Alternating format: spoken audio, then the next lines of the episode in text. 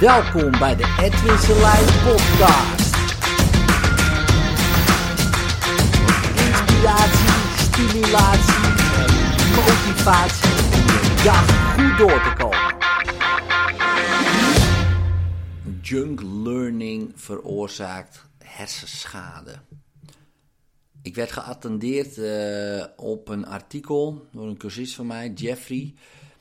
Um, wat ik overigens uh, zeer te gek vind, als je me suggesties uh, doorstuurt, um, waarvan ik kan leren en ook um, weer een blogje van kan schrijven, of mijn eigen sausje overheen kan doen, of een podcast op te nemen zoals nu.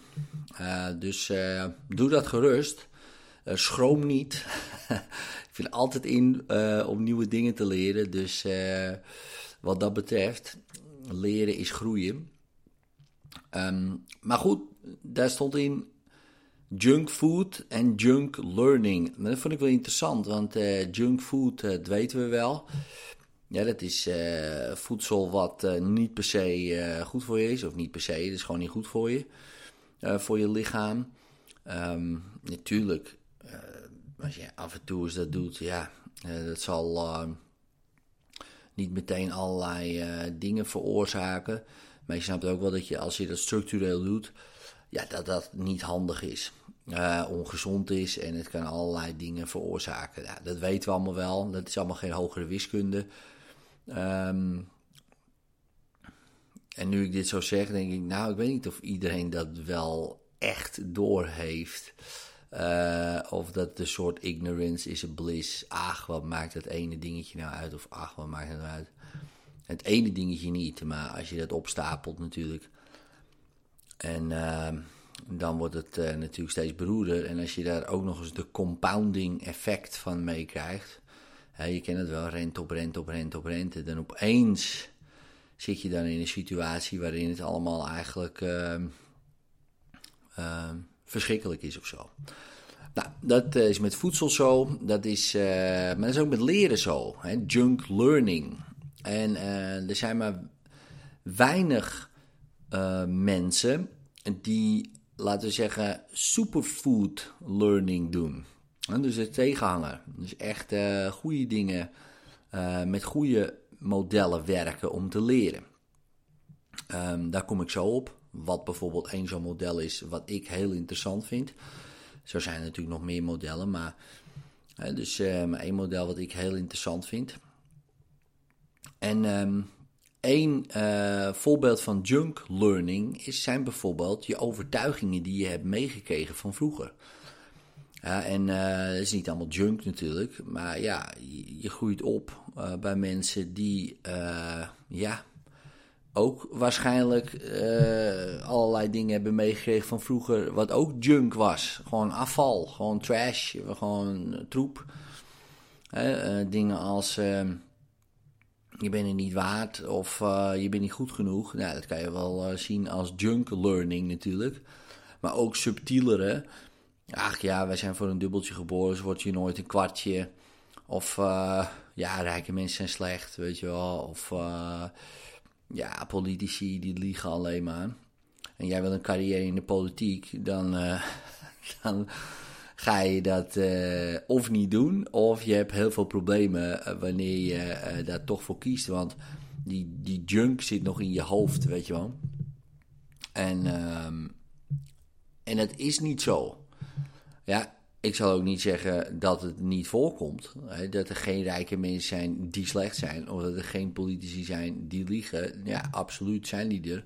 Hè, maar die zijn ook onder vuilnismannen en bouwvakkers. En, uh, dus dat, dat maakt niet uit. Ja, hetzelfde zeggen alle bouwvakkers liegen of, uh, uh, of alle vuilnismannen zijn slecht. Ja, dat slaat helemaal nergens op. Maar als er rijke mensen voor staat, dan denk je, ja, ja, ja, inderdaad, weet je wel. Of uh, politie, ja, inderdaad. En opeens is het anders. Dan weet je dat je te maken hebt met junk learning. dat heb je ergens opgepikt. Nou, dan kan je denken, Ed, we maken het allemaal uit. Nou, sommige dingen niet. Hè, die mag je lekker blijven geloven. Maar als je natuurlijk, laten we zeggen, belemmering in groei daarvan ondervindt. Hè, dus kijk, alle politici liegen, daar zal je niet echt een belemmering zien in groei. Denk ik. dus in ieder geval minder als dat je bijvoorbeeld gelooft dat jij het niet waard bent om bijvoorbeeld ehm, gelukkig te zijn die is natuurlijk wel een belemmering in groei. Of dat je niet waar bent om gewoon geld of veel geld of heel rijk te zijn. Weet je wel? Dus dat is dan ook een vorm van junk learning geweest. Wat je wel belemmert in je groei. En je groei in financiële vrijheid. Um, als je bijvoorbeeld gelukkig je groei in geluk. Of als je niet zegt van ja, weet je, ik geloof niet in de liefde. De liefde bestaat niet, bijvoorbeeld is dat ook een belemmering in je eigen groei. Ja, want dat is bullshit. Dat is geen, dat is junk geweest. Dat is trash. Dat heb je ergens opgepikt. Misschien door situaties, misschien door mensen, misschien om je heen gekeken. Denk, vers zie je. Uh, het klopt niet, dus is het zo. Uh, maar dat is niet zo. Dat is, zijn allemaal vormen van junk learning. Nou, wat gebeurt er met je brein? Kijk, als je een brein bekijkt van iemand die schaakt, bijvoorbeeld, af vanaf zijn jeugd, en iemand die turnt vanaf zijn jeugd, en je gaat die breinen vergelijken op 20 jaar, bijvoorbeeld, of eerder al, dan is dat, zijn dat twee hele verschillende breinen. Eén is een schaakbrein, de andere is een turnbrein. Ja, en dat is ook logisch. Er zijn zelfs schakers die um, zetten hebben. Hè, dus een zet bedenken, zou je kunnen zeggen, is linker hersenhelft materiaal, zeg maar. Hè, dus analytisch denken. Maar er zijn ook schakers, zeker door training, die, die, die zetten, die zijn voor hun net bekend als het herkennen van een gezicht. En dat is weer een functie van de rechter hersenhelft. Maar dat kan alleen maar door trainen, trainen, trainen.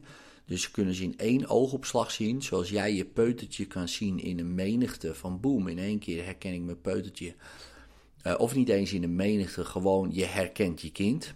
Dan denk je, ja, natuurlijk herken ik mijn kind, maar zo duidelijk zien zij ook al die zetten die er mogelijk zijn op een schaakbord. Dat is natuurlijk fenomenaal, uh, omdat ze dat zo getraind hebben. Dat hele brein is daarop aangepast. Turners natuurlijk de motorische vaardigheden. Um, die ze hebben geleerd en aangeleerd. Is natuurlijk ook lichamelijk, uh, kunnen ze allemaal dingen, maar dat brein is daar ook op, weer op aangepast. Nou, als je dat zo hoort, denk je ja, ook wel logisch. Hè? Dus, uh, want ja, je moet al die vaardigheden wel vlekkeloos kunnen uitvoeren of moeiteloos kunnen uitvoeren. Dus je brein past zich daarop aan. Um, maar dat doet het ook met shit. Want als jij maar blijft geloven dat jij het niet waard bent en je herhaalt dat steeds, iedere keer wanneer je erover denkt, dan worden die verbindingen sterker en dan gaat het een groter deel van je brein innemen. Totdat het natuurlijk gewoon één grote vuilnisbelt is aan allerlei verbindingen die nergens op slaan. Ja, dus, um, en dan ga je dat op voortbouwen. Dus dan bouw je als het ware een identiteit op shit, op een vuilnisbelt. En het is niet eens jouw vuilnisbelt. Ja, die hebben ze gewoon vuilnis gedropt in je hoofd. Hè, dus uh, mentale garbage. Hè, dus, dus mentaal. Het is allemaal vuilnis neergeflikkerd in je, in je hoofd. Je kon er niks tegen doen. Hè. Je was een soort van klein vuilnisbeltje. Dus ja, drop die uh, shit daar maar allemaal in. En daar ga jij dan je identiteit uh, op bouwen. ja, dat is natuurlijk niet relaxed. dat is zacht uitgedrukt. Dus Ehm, wat, je, wat goed is om te doen, je kan twee dingen doen.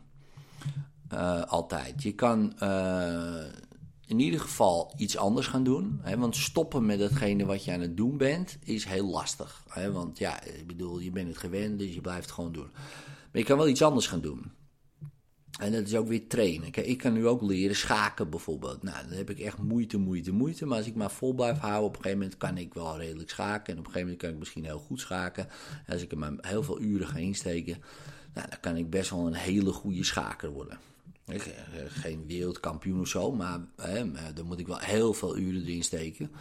Um, maar wel echt, ik kan met heel veel uren kan ik, uh, kan ik goed worden. En dat is gewoon oefenen. He, dus herhalen van het nieuwe gedrag werkt. Want dan ga je ook weer nieuwe verbindingen um, maken. En alleen, wat ga je doen? Dus uh, een van de mooie mentale modellen die ik te gek vind om te gebruiken, is bijvoorbeeld het 80-20 model.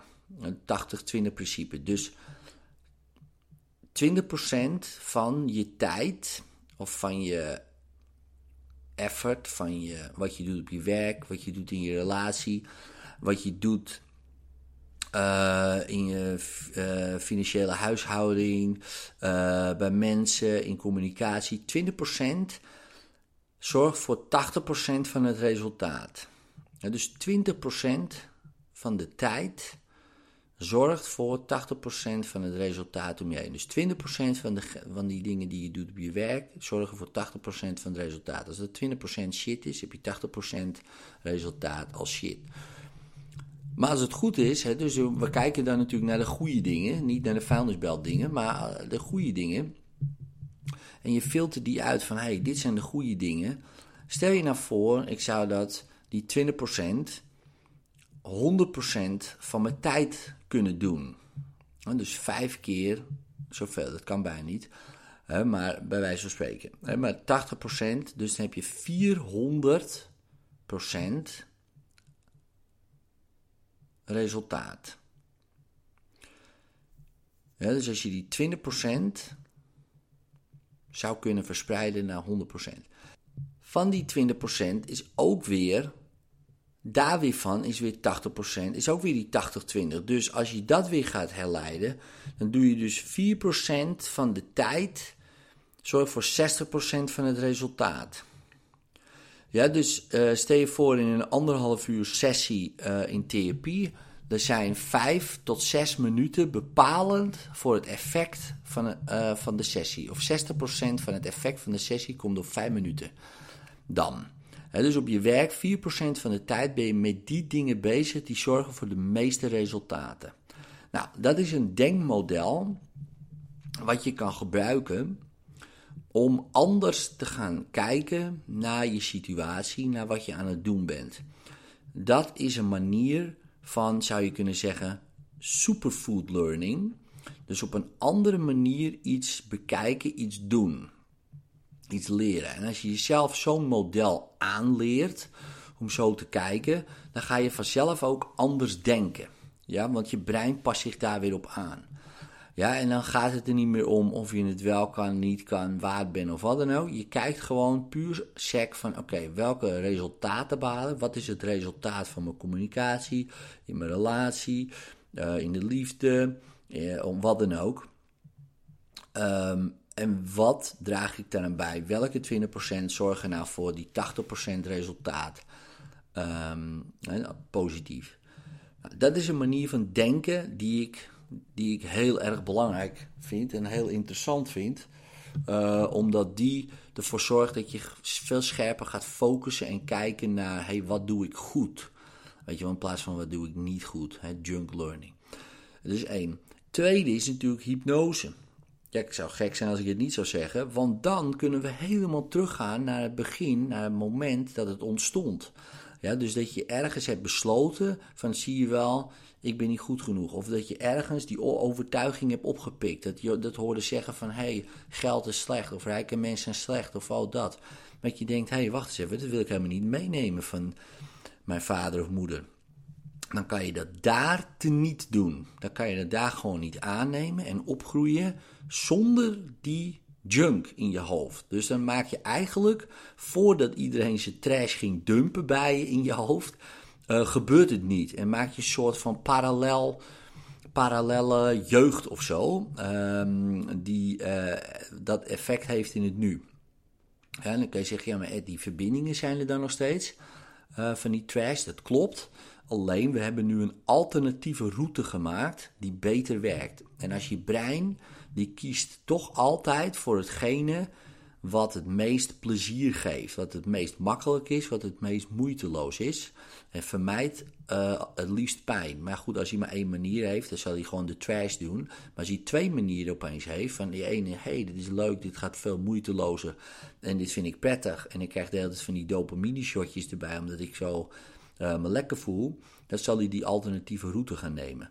Het mooie van je brein daarin weer is, is dat over de tijd, zeg maar, ehm, die trash vanzelf wordt gecleaned.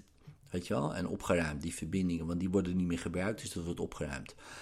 Ja, dus je kunt twee manieren doen. Eén, gewoon gedrag doen wat je graag wil en dat herhalen, herhalen, herhalen. Bijvoorbeeld en met gebruik van het 80-20 model, wat super interessant is.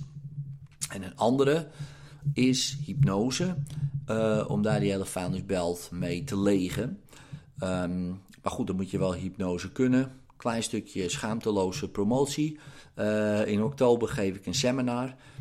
Uh, op 12 en 13 oktober. Daar leer ik je alle ins en outs van hypnose. En dan, dan kan je zelf in die staat gaan. En ook makkelijker dingen oplossen bij jezelf als je dat zou willen. Het seminar is puur om hypnose te leren. Ja, dus uh, je bent na dat seminar ook, kan je echt gewoon hypnotiseren. En voel, weet je ook hoe het voelt om in hypnose te gaan. Dus als je dat tof vindt om te leren, wordt echt een super tof seminar. Dan kan je nog met de zeer vroege vogelkorting mee. Uh, nu ik dit opneem tenminste. Uh, er zijn nog volgens mij stuk of 50 tickets daarvoor. Voor die zeer vroege vogelkorting. En daarna gaat de prijs omhoog. Dus ehm, Kijk dan op hypnoseinstituutnederland.nl. Um, daar zie je een kopje opleidingen. Dan kan je naar het seminar. En uh, meld je aan eventueel als je dat, dat tof vindt. Um, dus ga je mee aan de slag. Ciao.